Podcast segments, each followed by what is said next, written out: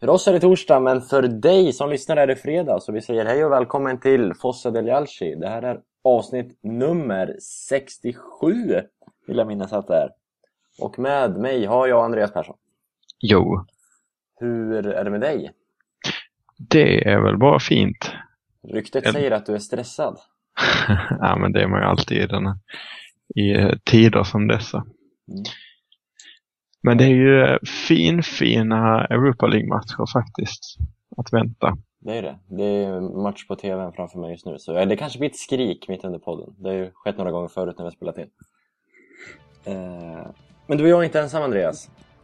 Vi har med oss, han är känd från Solo Calcio, han är känd från Twitter och vi kommer kalla honom det här avsnittet för Hybris Gian. Hej och välkommen! Tjena! Gian Dalaba, eh, Parma-supporter. Det stämmer bra. Eh, ett Parma som går väldigt bra just nu. Och därav Hybris Gian. Ja, lite för bra. Eh, vi kommer såklart prata Parma-Milan, eller Milan-Parma. Men vi kommer också prata om matchen mot Atletico och hela Champions League-faderullan tänkte jag. Så vi drar igång eftersom Stress-Andreas är lite stressad.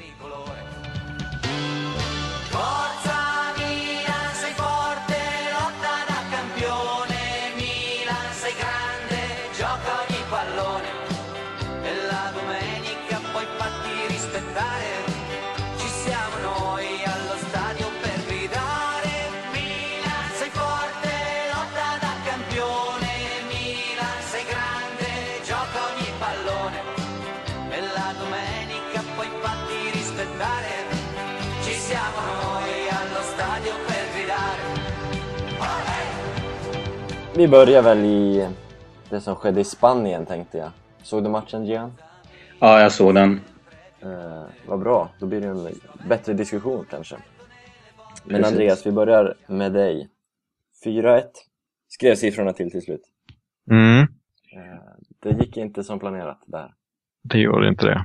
Men eh, jag vet inte riktigt var jag ska börja. Eh, ska vi börja i, egentligen i eh, Shihan, eh, Hybris Shihans eh, eh, utlåtande efter matchen som eh, slog tillbaks på oss milanister som hade eh, som jublade över att få, eh, få den här lottningen i, i höstas. Mm. Vad tycker Eh, så- du, Gian? Eh, vad jag tycker? Ja, vi, du, för de som är vän med dig på Facebook så kom ju statusen och för- även på Twitter vill jag minnas. Eh, Precis. precis grej. Ja, vad skrev du?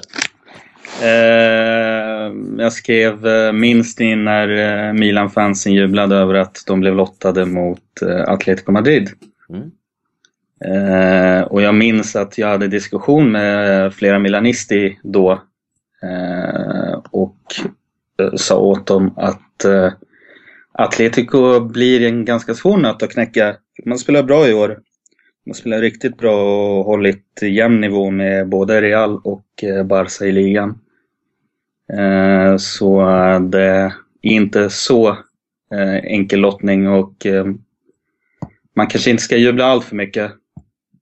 Nej. Och ja, med facit i hand så, så hade man väl rätt. Ja, tyvärr. Andreas, du besvarade den statusen som kom igår eller förrgår eller vad. Ja, jag tycker det är lite för enkelt att säga att man, eh, att man eh, hade rätt i fas, med facit i hand. För sett till matchbilden så tycker jag ändå att Milan har matchbilderna så tycker jag ändå att Milan har en relativt stor chans att gå vidare. Eh, även om Atletico är ett bättre lag. Så är det ju. Men, men man spelar på ett sätt som öppnar för rätt så mycket eh, marginaler. Eller, man spelar med små marginaler så att säga för, för att gå vidare. För Milan har i första mötet två ramträffar och två andra träffar i tidigt första halvlek som eh, hade förändrat matchen en hel del. Och sen så är det ju, ska jag inte säga turligt, men det är ju inte, man spelar inte sig till tillräckligt många chanser för att kanske eh, vara säkra på att göra mål på San Siro. Och sen så samma här med när det står 1-1 så är det ett eh, turligt skott som går in i en, det, i en, när det studsar in liksom, eh, Arda Turans skott. ehm, ja, det är väldigt små marginaler. Det är det ju alltid i Champions League, men jag kan tycka att det är särskilt små marginaler här. Mm. När Atletico spelar.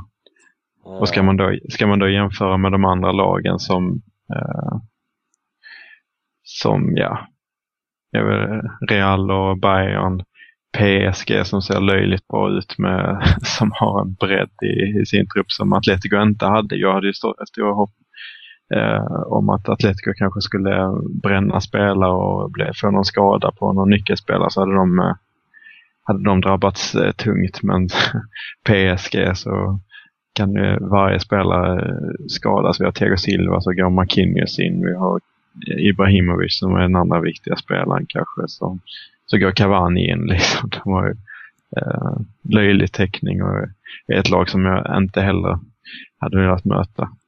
Nej, för vi pratade om det inför lottningen. Eh, och vi var inne på, både du och jag, vill jag minnas, att vi ville ha Atletico och kanske, Mm. eller United var det ju då. För United var ju lika dåliga då som de är nu. Mm. Och ja, jubla, du kommenterade just det där att vi jublade. Det finns ju en skillnad på att jubla och för att man tror att man är favorit och jubla för att det är den minst sämsta motståndaren. Liksom. Eh, Så, så jag är fortfarande eh, nöjd med att ha fått Atletico. Jag tycker ändå att Milan ska vara nöjda med sin insats för jag tycker att vi spelar jämnt med dem. Eh, Och skapar fler chanser men det betyder inte att man är bättre. Right? Eh, fick du svar på det? även, i, även i talform? Ja, precis. Kan du köpa det eller? Eh, Jag kan förstå det, men eh, jag tror faktiskt att ett bättre lag kanske hade gynnat Milan bättre. Eh, eh, ja, men till exempel förra året när man spelade jämt med Barcelona eh, så var man med bättre än vad man var med i år eh, mot Atletico.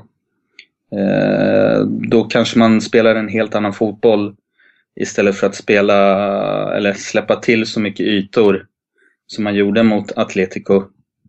Eh, och de har ju livsfarliga spelare som ja, slår till eh, när de får chansen. Mm. och mot till exempel Barcelona eller Real Madrid kanske man hade spelat en mer defensiv fotboll. Eh, mer tillbakadraget och satsa på kontringar. Så ja, nu gick det som det gick. Mm. Eh, det blev rätt stora siffror till slut. Kanske lite missvisande som du, som du var inne på Andreas. Mm. Ja, jag, jag tycker det, men jag är andra sidan vinklad. Liksom. Eh, jag, det, det här blev också väldigt annorlunda eftersom vi fick in Cedorf som är en helt annan tränare. Så att, eh, det skiljer sig väldigt mycket från Allegri och det var utifrån att Allegri skulle möta det här laget som vi spekulerar i också. Um, men eh, jag tycker det här är väldigt intressant med Ceder för att eh, det är ju frågan om man eh, som Milan eh, har den här värvningspolicyn och, eh, och eh, ja, plockar spelare som man gör som är liksom outcasts i sina lag eller ja, det är liksom inte top notch spelare man tar men ändå att man eh, ska spela den här fotbollen som vi ska spela under Cedorf när vi dominerar matcher och sånt där. Eh, som supporter tycker jag ändå att man gillar idén av en fast, eh, av en tydlig spelidé och, och en identitet på det viset. Men frågan är om det, det håller att plocka in spelare från andra lag som inte passar och med de resurserna då försöka spela ett dominerande spel. Jag vet inte hur ni ser på det. Nej, man... Eh, känns det som man skulle kunna lägga om värvningstaktiken. Det sades väl att, och det är väl så att Atletico har ungefär hälften av vår lönebudget och vår värvningsbudget. Lönebudgeten i alla fall. Mm. Och har gjort ett betydligt bättre jobb. De har betydligt bättre lag, betydligt farligare i år och ja, förra året också kanske. Kanske, kanske därför eh, Milan är efter eh, Precis. Atleticos sportchef också. Precis. Eller en sån, eller en sån som sportchef som eh, Soliano. Som Ja, också pratas om. Som, eh, ja, det är lite samma sak där. Mindre medel och re relativt stora framgångar. Sett till, sett till budget och sett till lag och så vidare. Ja, men det är ju så, det var så jag resonerade först. För att om man först bara slås av det faktum att vi ska spela dominerande mot lag i Champions League till exempel. Eh, när vi plockar deras rester liksom. Eh, det är frågan om det funkar och med små, så små resurser att, att det funkar att spela så dominerande spel. Eh, men samtidigt så kan man kolla på Fiorentina som har mycket mindre resurser som lyckas plocka in spelare. Eh, lite också ändå på, eh, på eh, spelare som inte är helt önskade i, eh, i Borja Leros, i Gomes. Men också såklart eh, värva fina talanger och sådär. Så kan man ju spela dominerande fotboll utan att, ha, utan att vara de mest köpstarka lagen. Visst är det så? Och det kommer väl i slutändan i, i vårt kära Italien. Det landar ju på sportchefen. Mm. Som, ja, det får väl ses som Galliani även om inte han har titeln. Det, det landar ju mycket i det. det är ju, medierna är inne på, på det idag. Gazettan har ju frågetecken kring Galliani och framtiden och så vidare. Mm. Ja. allt är ändå inte pengar utan jag tror ändå att man i Italien kan komma rätt så långt med den list som man har. Liksom, att eh, hitta fina lösningar med, med sportchefen som inte finns på samma sätt i andra ligor. Så att jag tror att man kan eh, fortfarande hålla jämna steg i, även i Europa med mindre resurser. Det, Men är, Galli- är Galliani mannen att för, förvalta de resurserna? Då? mm, det är frågan. Alex känns ju inte sådär jättehet just nu kan jag tycka. Inte Adebayor heller. Nej, det, ja, i och för sig, här, det, det vet jag inte om jag håller med om. Han känns alltid het eh, på alla sätt. Men, eh, men nej, det är kanske ingen man vill ha i, i sitt lag. Det, det är ju intressant, alltså Gallianis sätt om det håller eller om man ska ha en liten släng av Gallianis och ha eh, en liten släng av Soliano. För nu har vi en situation där, ja, hur ska vi göra resten av säsongen? Ska vi eh, Ska vi spela på bästa möjliga lag för stunden eller ska vi försöka hitta ett lag eh, till nästa säsong? Mm. Den här säsongen känns ju relativt körd. Ja. En spelare som Mexes till exempel är en konsekvens av Gallianis värvningspolicy. Ska han få spela nu? Eh, Eller ska... Han Ska man knappt, släppa han får ju honom? knappt spela nu. Nej, men samma med SCN egentligen. Ja. Ja. Och så vidare. Ska de få spela eller ska man, hur ska man göra? GM, vad tycker du utifrån? Hur ska Milan behandla resten av säsongen nu? Tycker du? Mm. Jag tror att eh, söndagens match blir eh, rätt... Eh, ja, den kommer pe- visa vilket håll säsongen kommer peka åt. Eh, förlorar man så är man ju i princip borta från Europa League-fighten. Då har man 11 poäng upp till Parma bland annat. Eh, och det blir nog eh, allt för svårt att ta in. Och då är det väl bättre att försöka spela ihop ett lag. Eh, försöka spela ihop ett, eh, eller en spelidé. Eh, eller ja, allting beror ju på om Cedorf blir kvar också eller inte till nästa säsong. Eh, blir det så att han blir kvar så eh, ja, då är det väl eh, det bästa att försöka spela ihop ett lag och hitta en tydlig spelidé eh, för att bygga vidare till nästa säsong. Med tanke på kontraktet han fick så indikerar ju det på att han stannar. Milan är väl inte kända för att sparka tränare under när de har långt kvar på kontraktet. Nej, precis, men samtidigt finns det ju intressanta namn på marknaden som typ Spalletti nu. Mm. Eh, Så skulle man lyckas eh, locka över honom till Milan så då får nog Cedorf eh, röra på sig. Tror du det Andres? Nej, jag, jag har ändå rätt så svårt att se att Ceder skulle lämna. Men alltså Sp- Spalletti är ett underskattat eh, alternativ och han är ett stort, stort namn. En av de större namnen. Liksom. Och att han är fri, det är ändå rätt så, eh, rätt så intressant. För, eh, borde vara intressant för alla klubbar känns det som. Inte alla, men, men alla klubbar i alla möjliga situationer i Europa. Ehm, men jag tror alltså med, med Ceders relation till Berlusconi så är det svårt att säga att han skulle lämna faktiskt. Ehm, men det är visst, alltså hans matcher har ju det är många förluster han har, eh, har, eh, har på kontot nu i de här matcherna.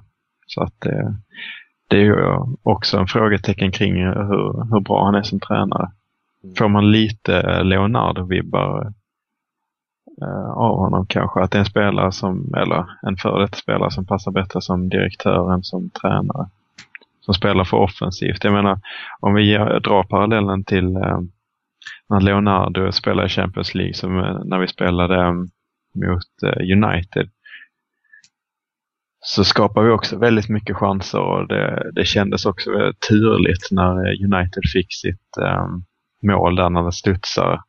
Eh, Scholes eh, får ett inlägg snett inåt bakåt i straffområdet och missar skottet eh, med, med foten men bollen studsar på, höger, på stödjebenet, ställer Dida i mål och sen så rullar det liksom rättsamt stolpe in i en match där Milan tog ledningsmålet och borde lätt med med betydligt större siffror redan i halvtid.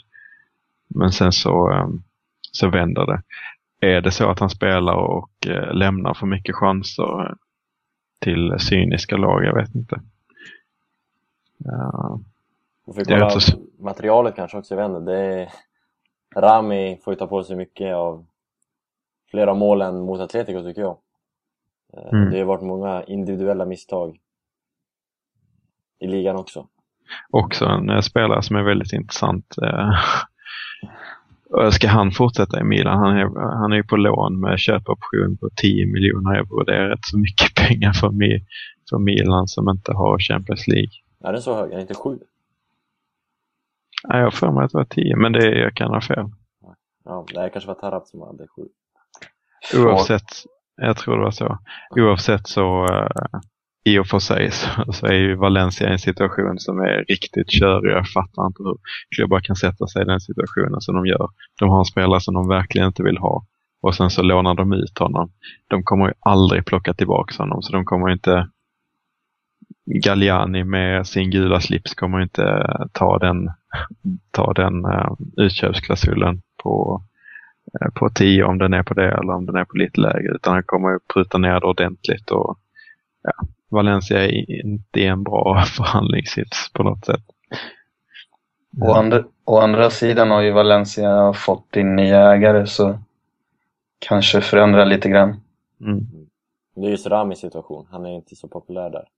Nej, precis. Men å andra sidan om Alex är klar, eh, det är ju i princip liknande spelartyp som Rami. Mm. Och ska man ha två likadana mittbackar Eh, så ja, om de ska spela ihop så kan det bli rätt tufft. Och eh, det går inte att placera någon av dem på bänken heller. Eh, utan Champions League-spel och allt sånt. Så det lutar väl åt att Rami inte blir kvar i Milan till nästa säsong. Ja, vi får se. Det... Ja, nej det, det är intressant. Det verkar som att Alex är helt klar i sig. Det kommer väl nya uppgifter nu? Senast som, senaste från Sky är väl att inte, eller från uh, Di Marzio va, som är att det inte är helt. Um, men varför då inte använda de här sista kvardelarna av säsongen och bara spela Rami hela tiden och se om man håller måttet. Jag vet inte hur man ska göra. Ja, de andra vet vi vad vi får av. Zapata, Bonera, Mexes. Ja, precis. Så, Sacardo uh... Silvester, det känns ju lite kalla. ja, lite smått. Silvester har ju inte blommat ut, det kan man inte säga. Uh, så nej, men kör på Zapata Rami. Zapata som har ändå kontrakt och han lär vi ju ha kvar liksom. Så att kör på det mittbacksparet, se om det lyckas och sen så eventuellt använd den klausulen liksom i sommar. Eller köp utan de lägre. Kör väl de sista matcherna som en testperiod helt enkelt. Eh, det är flera namn i dagens Gazetta. Tidningen tar ju upp en fin vilka är tveksamma, vilka kommer stanna, vilka kommer lämna. Den har förmodligen båda ni två sett. Eh, och det är ju intressanta namn som är, ja ut är inte så jätteintressant, det är väl rätt väntade namn kanske. Mm. Konstant, Mexes, Birsa med mera. Men eh, Who is in doubt? Eh, tveksamma då. skriver på engelska. Jag vet inte om det är någon som har översatt det eller om Gazzetta skriver på engelska. Eh, men i alla fall, Balotelli är med på den listan. Och Balotelli gjorde ingen bra match mot Atletico. Mm.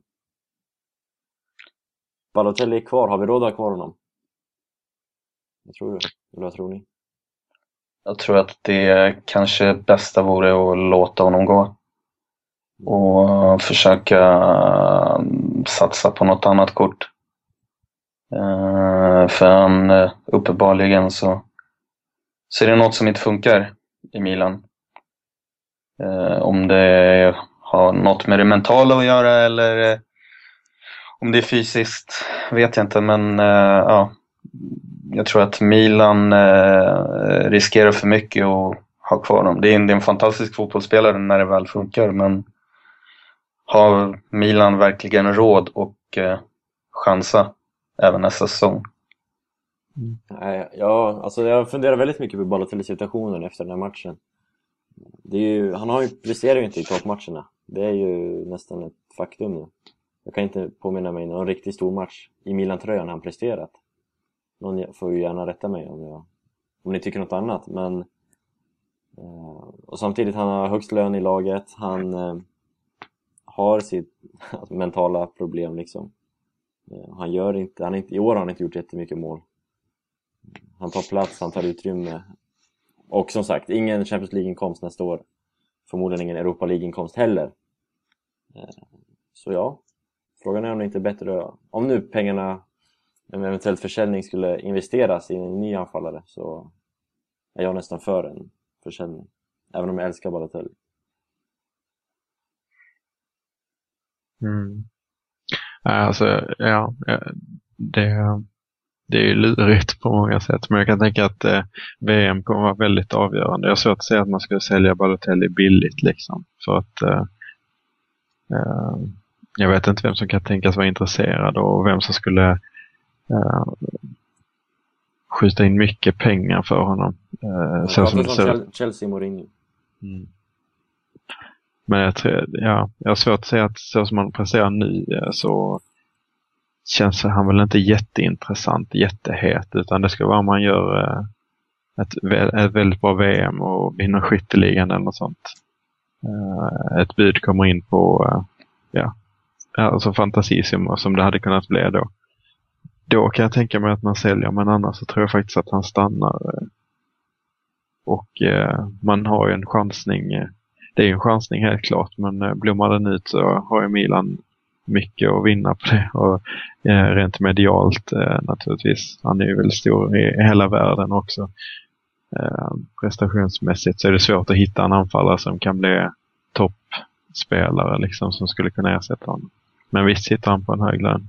Det har varit väldigt lösa rykten, inga riktigt konkret från någon bra källa. Men Lukaku, ett byte där. Då kan vi eventuellt någon peng emellan också. Mm. Det låter ju väldigt intressant.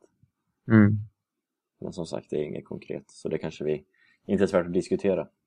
Nej, det känns inte riktigt konkret i dagsläget. Gör det ju inte. Men det, ja, jag vet inte, jag känner, ser många liksom, trupprensningar framför mig i huvudet. Men liksom, vi har Coppola som eh, är 35 år och är fjärde målvakt. Varför har vi fyra målvakter överhuvudtaget? Det är helt sjukt. Coppola är för övrigt kvar på den listan som kommer stanna enligt Gazzetta. Det Coppola, Ja, okej. Coppola Abbiati stannar, Amelia Gabriel lämnar. Ja, det är ju spännande alltså på många sätt. Enligt tidningen. 36-35 stannar, 31-21 lämnar. Ja, just det. Nu öppnar jag tidningen här och ser den listan. Finns på Solo Calcio annars. Ja, just det. Bra sida där. Eh, de som lämnar, ja. ja. Robinho känns ju rätt given. Saponara. Skulle jag vilja. Montara är ju på listan. Fossa del Alci favorit. Mm. Ja, det kommer vara tråkigt att Birsa också. En eh, Ja, han, favorit på alla sätt. Jag gillar honom men han kan ju få lämna ändå. Ja, Kan ju få njuta av hans vänsterfot i något annat lag kanske. Men eh, vilka känns givna då? Det är ju eh, Abbiati, De Chilio, De Jong, Cristante, Montolivo, Polly. Känns meningslöst att sälja. Zapata. Ja, Zapata också faktiskt. Uh, Pazzini känns ju helt fantastiskt. Jag fattar inte vad de skulle göra av honom. Tarabt är ju också intressant. Um, gör det faktiskt bra. Eh, frågan är om han, han matchar det här nya projektet. Även om han inte var så bra i tisdags. Mm. Ja, Jag tror jag ska, jag ska börja säga, säga hans namn. Jag tycker ändå det är snyggt att man börjar säga hans namn efter en dålig insats. Klara för, jag vet inte om, tror inte Gian lyssnar på vår podcast frekvent, men Andreas har ju vägrat uttala hans namn, Tarads, på grund av tidigare uttalanden om Milan. Jaha. Ja, det är väl dags att eh, ta tillbaka det. Han har väl varit bästa Milan-spelare de senaste matcherna. Ska jag tillägga att det inte alls beror på prestationer utan det beror på uttalanden han har gjort tidigare. Precis. Ja.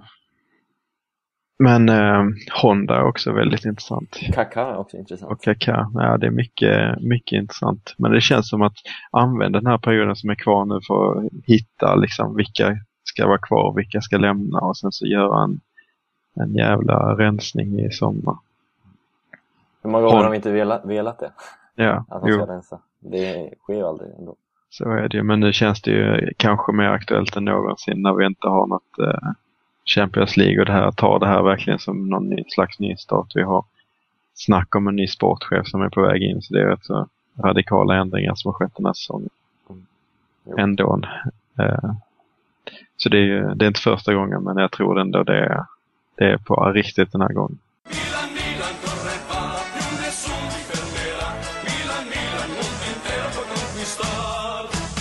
Så, ska vi prata Milan-Parma? Yes. 15 raka plus 8. Vad är det mer du brukar skriva på de sociala medierna? Precis. Eh. Får hoppas att det är plus 11 på söndag. Varför går det så bra för Parma just nu? Ehm, jag skulle säga att allt är eh, Roberto Donadonis förtjänst. Ehm, han har fått förtroendet av klubben. Eh, han är inne på sin tredje säsong nu. Eh, han kom in för två år sedan, mitt under säsong. Men ja, nu har han fått eh, bygga sitt lag. Eh, vi har behållit eh, i princip alla nyckelspelare till den här säsongen. Kryddat med Casano exempelvis. Och Schelotto. Scalotto precis. Milan-dödaren. Ja. Eh, och det jag tror att eh, harmonin i laget eh, och eh, han har satt ett eh, han har satt en spelidé i system som eh, gör det lätt för nya spelare att ta sig in i den. Som exempelvis Scalotto. Eh, han kom in i januari eh, och eh, har i princip kommit in i laget direkt. Samma med Molinaro som värvades i januari. Eh, tagit vänsterbacksplatsen och gjort det eh, riktigt bra. Mm. Eh, så jag tror att eh, mycket beror på Roberto Donadoni och hans fina arbete. Den gamle Milan-spelaren. Precis. Eh, vi har pratat om Donadoni till Milan tidigare Andreas.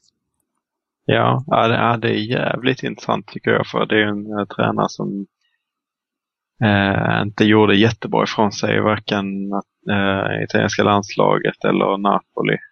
Eh, ja, jag vet inte vad, vad som har hänt. Han kanske platsar i en, i en mindre klubb. Jag tror att han har mognat också. Eh, jag tycker inte han var så dålig i, dålig i italienska landslaget. Eh, man åkte ut mot Spanien på straffar i EM. Mm. Eh, och jag tycker det funkade rätt bra. Eh, sen i Napoli och Cagliari, de hade väl inte samma tålamod med han. Eh, Celino vet vi hur han är i Mm. Cagliari med tränare. Eh, och ja, som sagt, han har mognat. Eh, där är hans, blir det femte klubb tror jag, eller femte tränaruppdrag. Så jag tror att han är rätt mogen för att ta över en större klubb. Eh, så länge han har eh, ledningen eh, bakom sig. Han har själv varit inne på det att anledningen till att det inte funkade i bland annat Napoli är för att ledningen inte trodde på honom. Och han har gått rätt hårt åt De Laurentiis och jag tror det var Marino som var sportchef då i Napoli. Eh, för att de inte gav honom chansen eh, riktigt. Och eh, det har han ju fått i Parma. Och eh, ja, vi ser ju resultaten nu. Så eh, skulle han till exempel gå till Milan så eh, är det viktigt att han eh, får fullt förtroende från ledningens sida. Då tror jag att det kan bli bra. Mm. Eh, någon spelare som har utmärkt sig exceptionellt i år tycker du? Ja, Gabriel Paletta framförallt, eh, Alessandro Lucarelli, eh, Marco Parolo och sen såklart Casano. Mm. Eh, men jag tycker hela laget eh, känns, det känns homogent. Man har inte riktigt några brister. Eh, utan vem som helst kan i princip kliva in och göra ett bra jobb.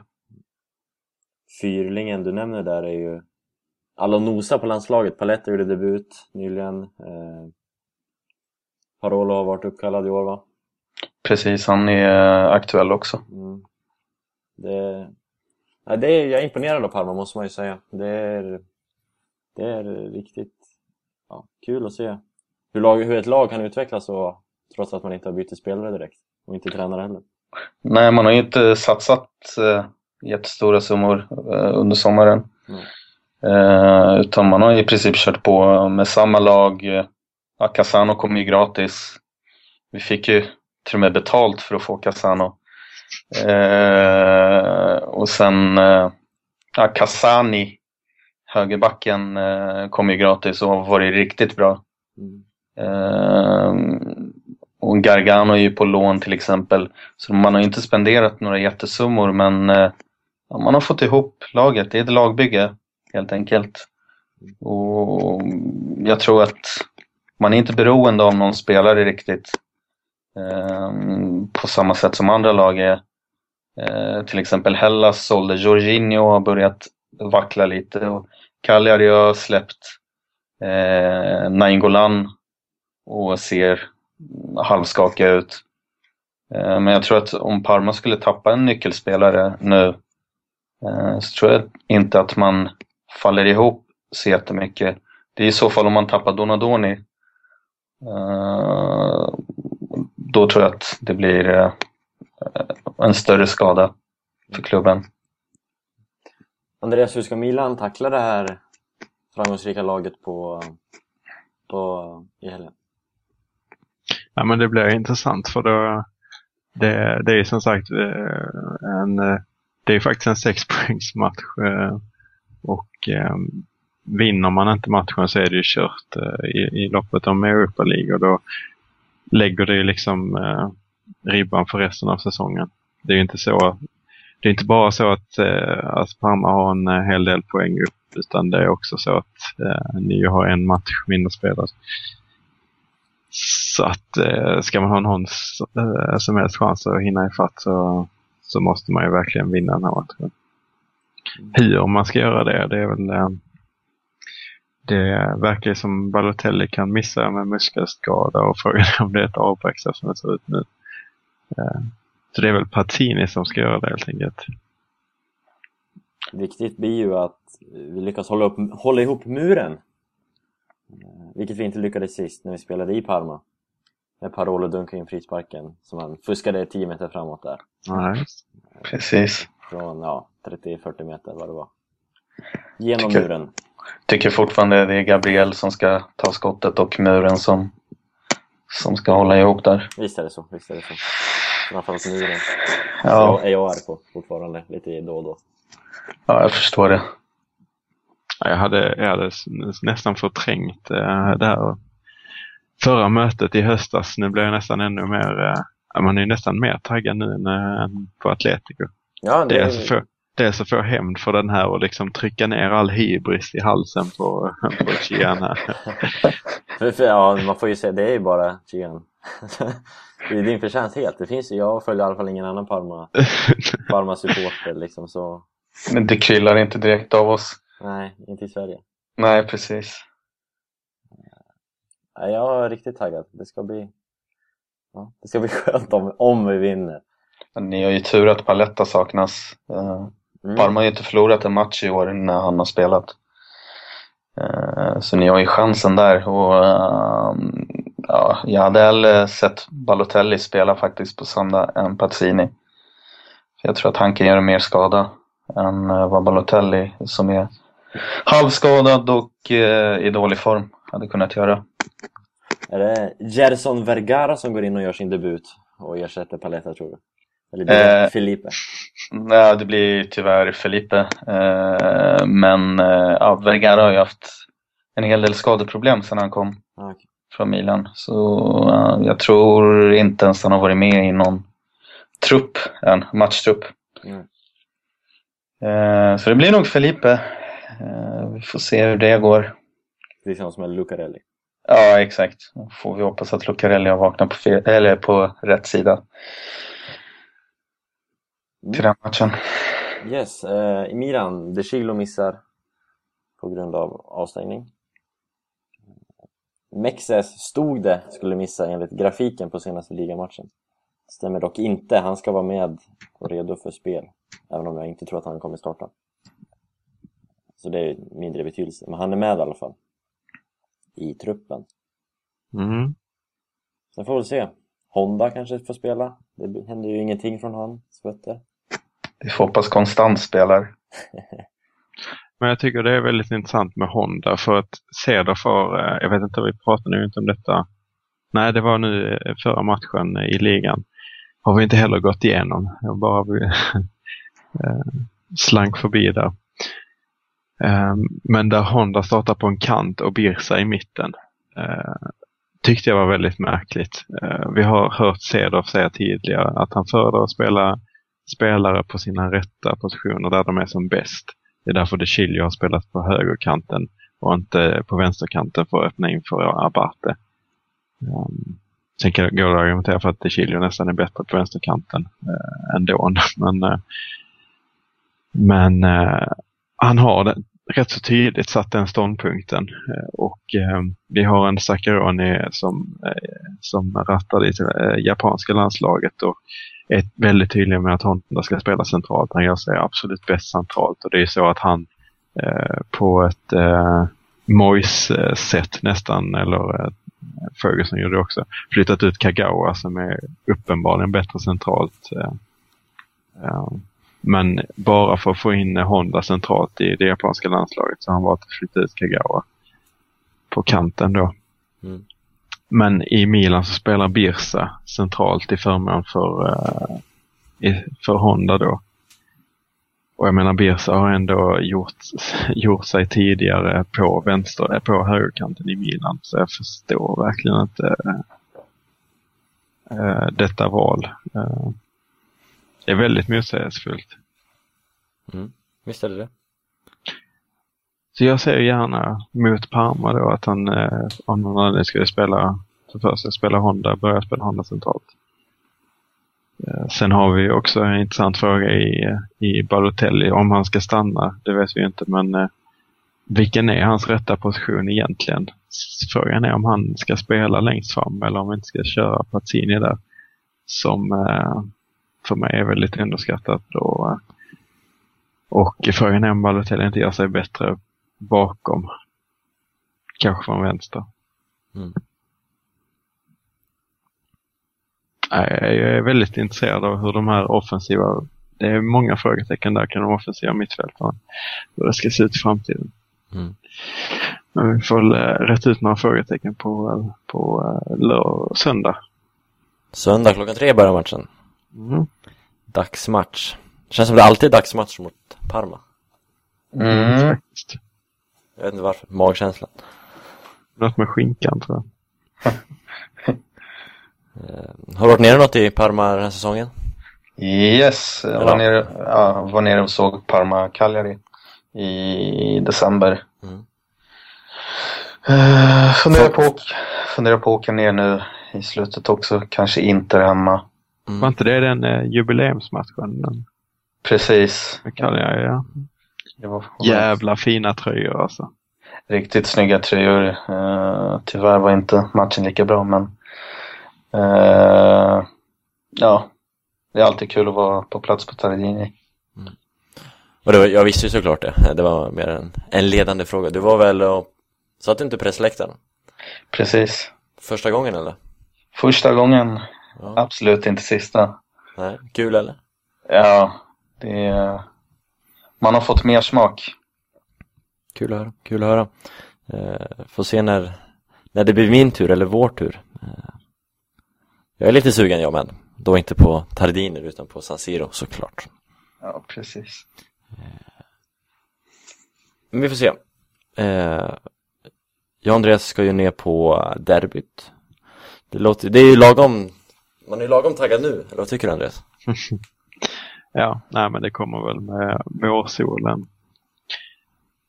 Eh, så kommer väl, eh, eh, nej jag tror det kommer bli helt fantastiskt ändå. Även om det inte känns så jättetaggat just nu. Visst är det så. Eh, har ni mer att säga om Milan-Parma eller ska vi runda av? Ja, jag tycker vi har sagt det mesta. Vad bra. Eh, då ska vi släppa iväg Andreas som ska på lägenhetsvisning. Mm, mm. Viktiga grejer. Ja, det är det ju ändå. Inte riktigt lika viktigt som det vi har pratat om det, men Nästan. nästan. Bra. Eh, Gian, tack så jättemycket för din medverkan. Eh, tack själv. Och hoppas att hybrisen tar slut på söndag. Ja, vi får, ja, vi får väl se. Kommer de fortsätta även om ni förlorar? Ni är ju trots allt en bra säsong liksom. Och ni är ju fortfarande före oss. Eh, ja, precis. Vi, grejen är att vi går in i en rätt tuff period nu med svåra matcher. Med Milan, Lazio, Napoli, Juventus, Roma och Inter har vi kvar att möta. Så eh, det är rätt tuff period, men det är, det är nu eldprovet börjar och ska man ta sig ut i Europa så ska man väl eh, se till att plocka poäng här. Ja, bra. Eh, om du gillar avsnittet, du som lyssnat, så eh, lägg en kommentar. finns kommentarsfält, det finns Twitter. Eh, gillar ni betting så rekommenderar jag att följa GM på, på Twitter. Duktig bettare, ger bra tips. Eh, och Tackar. ja, kan ju följa Andreas också. Även om man inte twittrar lika mycket om det så är han rätt duktig på att betta och han med. Måste jag säga. Eh, men ja, vi hörs om en vecka igen. Hej då. Ciao. Adjöken, ciao.